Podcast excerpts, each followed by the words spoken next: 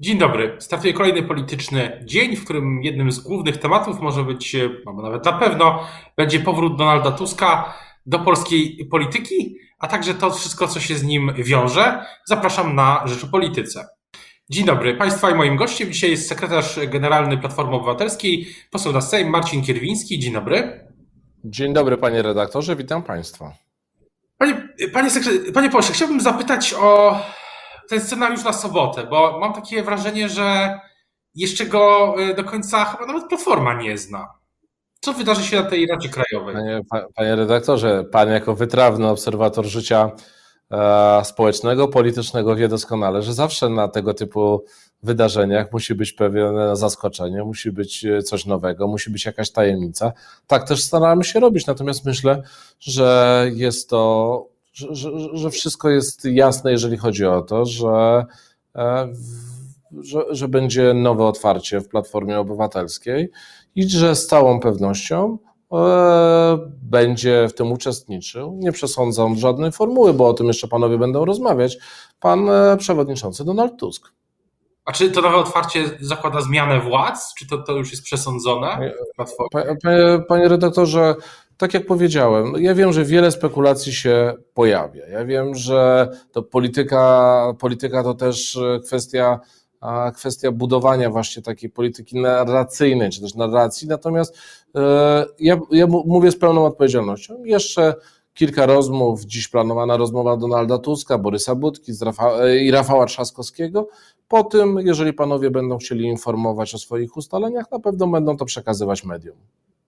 Ale to jest y, także, tak się zastanawiam, czy, czy bardziej liczy się to, y, że Donald Tusk y, chce wrócić, czy wraca do, do jakiejś roli w polskiej polityce, czy bardziej liczy się to, z czym wraca i jaki będzie też wpływ tego na przykład na koalicję obywatelską, która, która tworzy, którą tworzą od wielu lat już, czy cztery podmioty.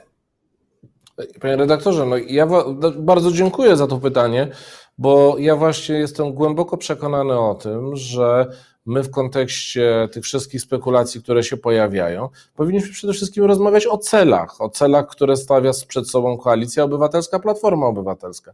Ten cel jest cały czas, tym celem jest cały czas odsunięcie PiSu od władzy, ale dlatego, żeby Polak, uwolnić Polaków od złego rządu. I każde zaangażowanie każdego polityka, zwłaszcza taka, tak doświadczonego, tak, e, tak szalenie bogatego, jeżeli chodzi o wiedzę polityczną, jak Donald Tusk, to jest po prostu wielkim wzmocnieniem dla koalicji obywatelskiej. Ja tutaj jestem spokojny, że w ramach koalicji obywatelskiej e, także tę no, nową sytuację będziemy sobie potrafili i wyjaśnić, i opisać, i razem w nowej formule po prostu lepiej, skuteczniej działać. Czy wyobraża Pan sobie inny scenariusz, że nie będzie porozumienia między trójką liderów, o których wspomniał Pan wcześniej? Nie, nie wyobrażam sobie takiego scenariusza. Powiem panu bardzo wprost.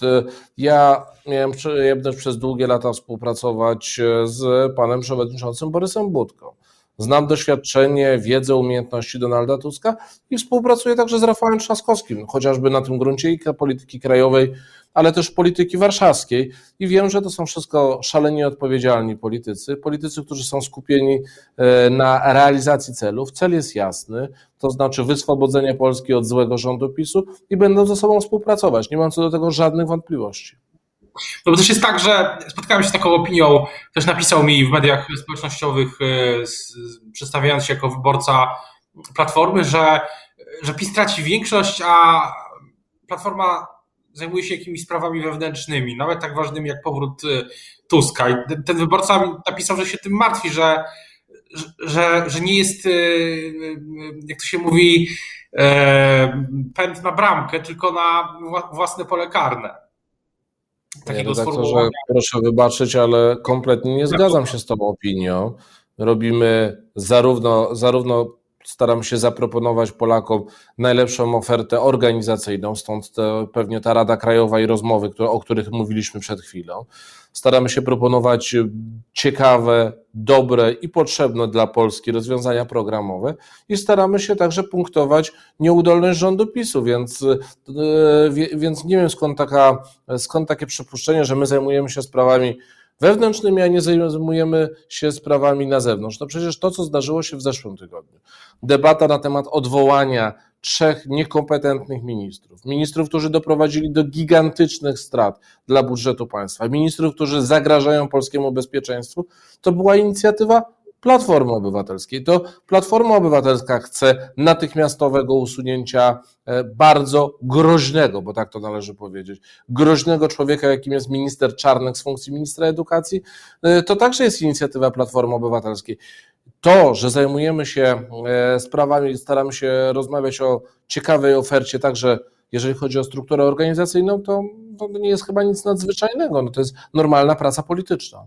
No, takie jest wrażenie od, od 4 czerwca, prawie miesiąc, gdy Donald Tusk powiedział, że zrobi wszystko, żeby no, wesprzeć platformę, no to tych spekulacji jest dużo. Przyzna pan.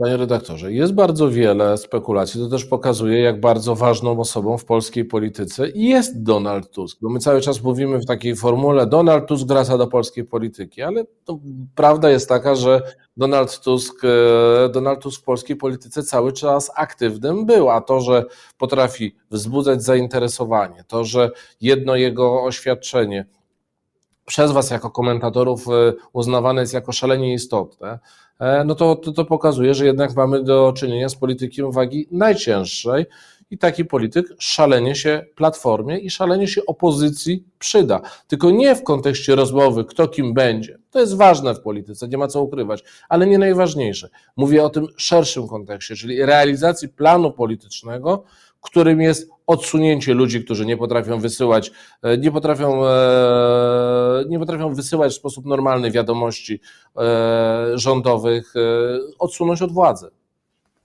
Natomiast, natomiast pytanie jest też, na chwilę chciałbym wrócić do Sejmu, czy, czy, czy jest już decyzja w sprawie Rzecznika Praw Obywatelskich? Jak, jak to będzie, będzie, jakie to będzie stanowisko Platformy? Kogo poprze, kogo wystawi? Rozmawiamy na ten temat. Ja jestem przekonany, że w tej sprawie rozmawiamy z innymi partnerami opozycyjnymi, że powinniśmy, e, że wszyscy, wszystkie partie opozycyjne powinny po raz kolejny postawić na jedną kandydaturę, która będzie miała największe szanse na zwycięstwo. Sypie się obóz Zjednoczonej Prawicy. PiS się kurczy i rozpada na naszych oczach.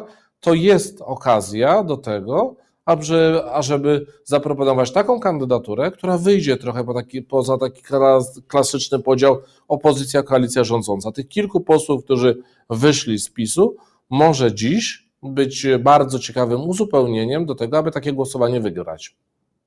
Też, też e, e, poseł Giżyński mówił chyba wczoraj, taką wypowiedź widziałem, że on też ma swojego pomysł na swojego kandydata, tylko oczywiście, żeby zgłosić kandydata na RPO trzeba mieć 35 podpisów, a poseł Giżyński może mieć co najwyżej 3, jeśli dobrze rozumiem. Panie redaktorze, dla Platformy Obywatelskiej, dla Koalicji Obywatelskiej kryteria wyboru takiego kandydata są bardzo jasne.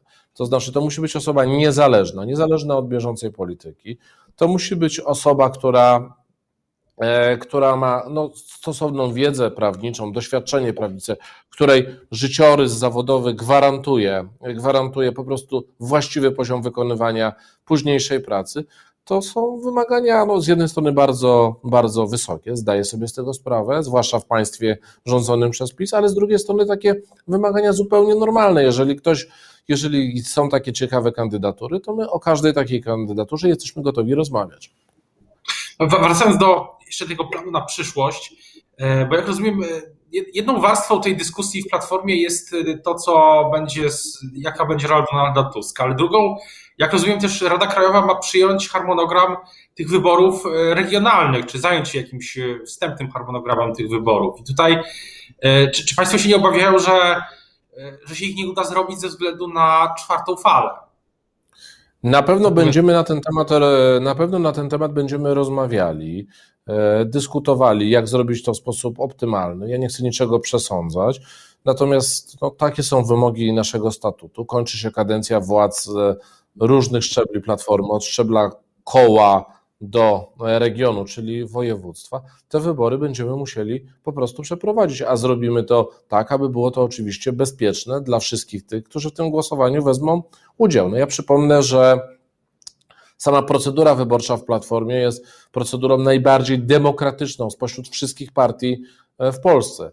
Na szczeblach zarówno kół, powiatów, jak i regionów wszyscy członkowie Platformy wybierają swoje władze, więc, e, więc to jest bardzo demokratyczna i taka bardzo otwarta procedura i będzie ona przeprowadzona zgodnie z wytycznymi epidemiologicznymi. A czy tak swoją drogą, bo e, w sobotę też jest kongres PiS. Tam mają być zmiany w statucie e, Prawa i Sprawiedliwości i Prawo i Sprawiedliwość ma postawić na, na silniejsze regiony, w sensie województwa, bo do tej pory PiS opierało się na 41 okręgach wyborczych, które odpowiadało okręgom sejmowym. Teraz ma być, mają być silne 16 województw i około 90 okręgów e, wewnątrz partii. Jak pan to odbiera, e, że PiS się chce troszeczkę, czy to jest tak, że PiS chce się upodobnić do Platformy, w której też są silne, silnym, silną jednostką, w Platformie są oczywiście e, okręgi wojewódzkie, też jest, też jest ich 16. Ja myślę, że to jest kwestia tylko i wyłącznie tego, że Jarosław Kaczyński czuje, że partia mu się sypie, potrzebuje dalszej centralizacji. Tutaj naprawdę nie ma żadnego znaczenia, czy będą mieli podział na regiony, czy na okręgi wyborcze. Te wszystkie zmiany będą zmierzały do tego, żeby było więcej władztwa Jarosława Kaczyńskiego, żeby więcej było decyzji jednoosobowych, żeby wszystko zależało od jednej osoby, od Jarosława Kaczyńskiego. To jest odpowiedź na, na e, sypiące się szeregi PiSu tak naprawdę. Jarosław Kaczyński od wielu, wielu lat ma taką metodę, że jeżeli pojawiają się problemy, to dla niego jedyną, jedyną e, sposobem rozwiązywania tych problemów jest tak naprawdę jeszcze mocniejsze takie dokręcanie śruby, jeszcze więcej centralizacji, jeszcze więcej autorytarnych decyzji. A e, wracając do wyborów w Platformie, a czy jest taki scenariusz ich przyspieszenia? do, jeśli chodzi o cały tryb tych wewnętrznych, regionalnych, żeby zdążyć przed y, tą czwartą falą? Panie redaktorze, my wiemy jedno, że te wybory muszą się odbyć w tym roku. Tak mówi nasz statut, to jest rzecz święta.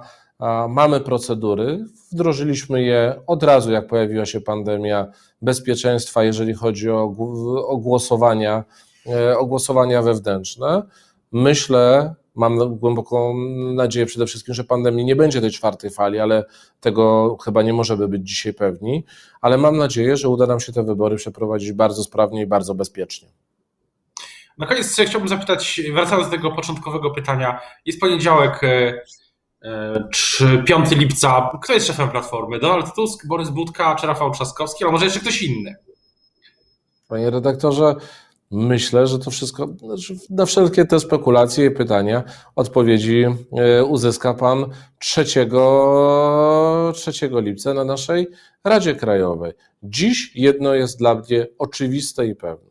Tylko pełna współpraca pomiędzy naszymi liderami, Borysem Budką, Donaldem Tuskiem, Rafałem Trzaskowskim, daje nam gwarancję bardzo szybkiego odbicia się w sondażach i bardzo zaproponowania wyborcom takiego projektu, który wygra z PiSem. O tym, co będzie 3 lipca, myślę, że wszyscy będziemy to śledzić. A teraz bardzo już dziękuję za rozmowę Państwa i moim gościem był Marcin Kierwiński, sekretarz generalny Platformy Obywatelskiej i poseł na Sejm z Warszawy. Dziękuję bardzo. Bardzo dziękuję. Dzięki. Dzięki.